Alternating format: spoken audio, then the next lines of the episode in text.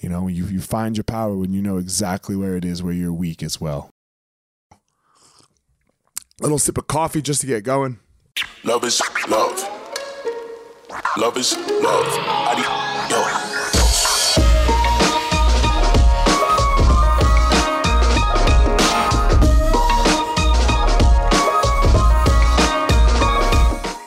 What's up, everyone? How are you doing? I hope you're having a great week and things are going swell for you. Uh, man, what I want to talk about this week, guys, is man, yeah, sometimes, right? Sometimes we all crack a little bit. You know, sometimes we all crack a little bit. And man, this week is one of those weeks for me. You know, I'm, I'm having one of those days currently where, yeah, I just couldn't quite hold it all together. As as as strong as I like to be, as uh, together as I like to keep it, it just didn't go that way for me today. Um, concussion, you know, this, that, a whole host of things that that that you know happen in everyone's life that don't maybe allow you to perform at your optimal in your optimal state or to your optimal level. So, what do we do? You reach out. You reach out to your closest friends.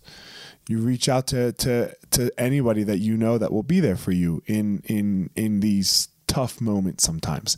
And it's not easy. And I know for me, look, I feel like I have imposter syndrome when I do this. Like, man, like, uh, you know, I, I, like, why should I even be sitting here and doing this motivate, doing this, uh, this podcast right now because fuck, I'm I'm not doing great. I'm I I need some help. So who the fuck am I to sit here and tell anybody else or give anybody else any type of advice in this moment? God, I guess this is the moment that you should do it the most. You know, where I should do it the most is talk about when it is that I come up short. And I'm coming up short right now. I'm, I'm, it's just what it is. It sucks. I don't like it. I don't like it even a little bit. My my cognition is off. My physical my physicality is off. I don't get to train jiu-jitsu. Uh, I don't get to do all the things that I like to do to relieve the stress in my life. And here I am, coming up short, needing help. So I asked for it.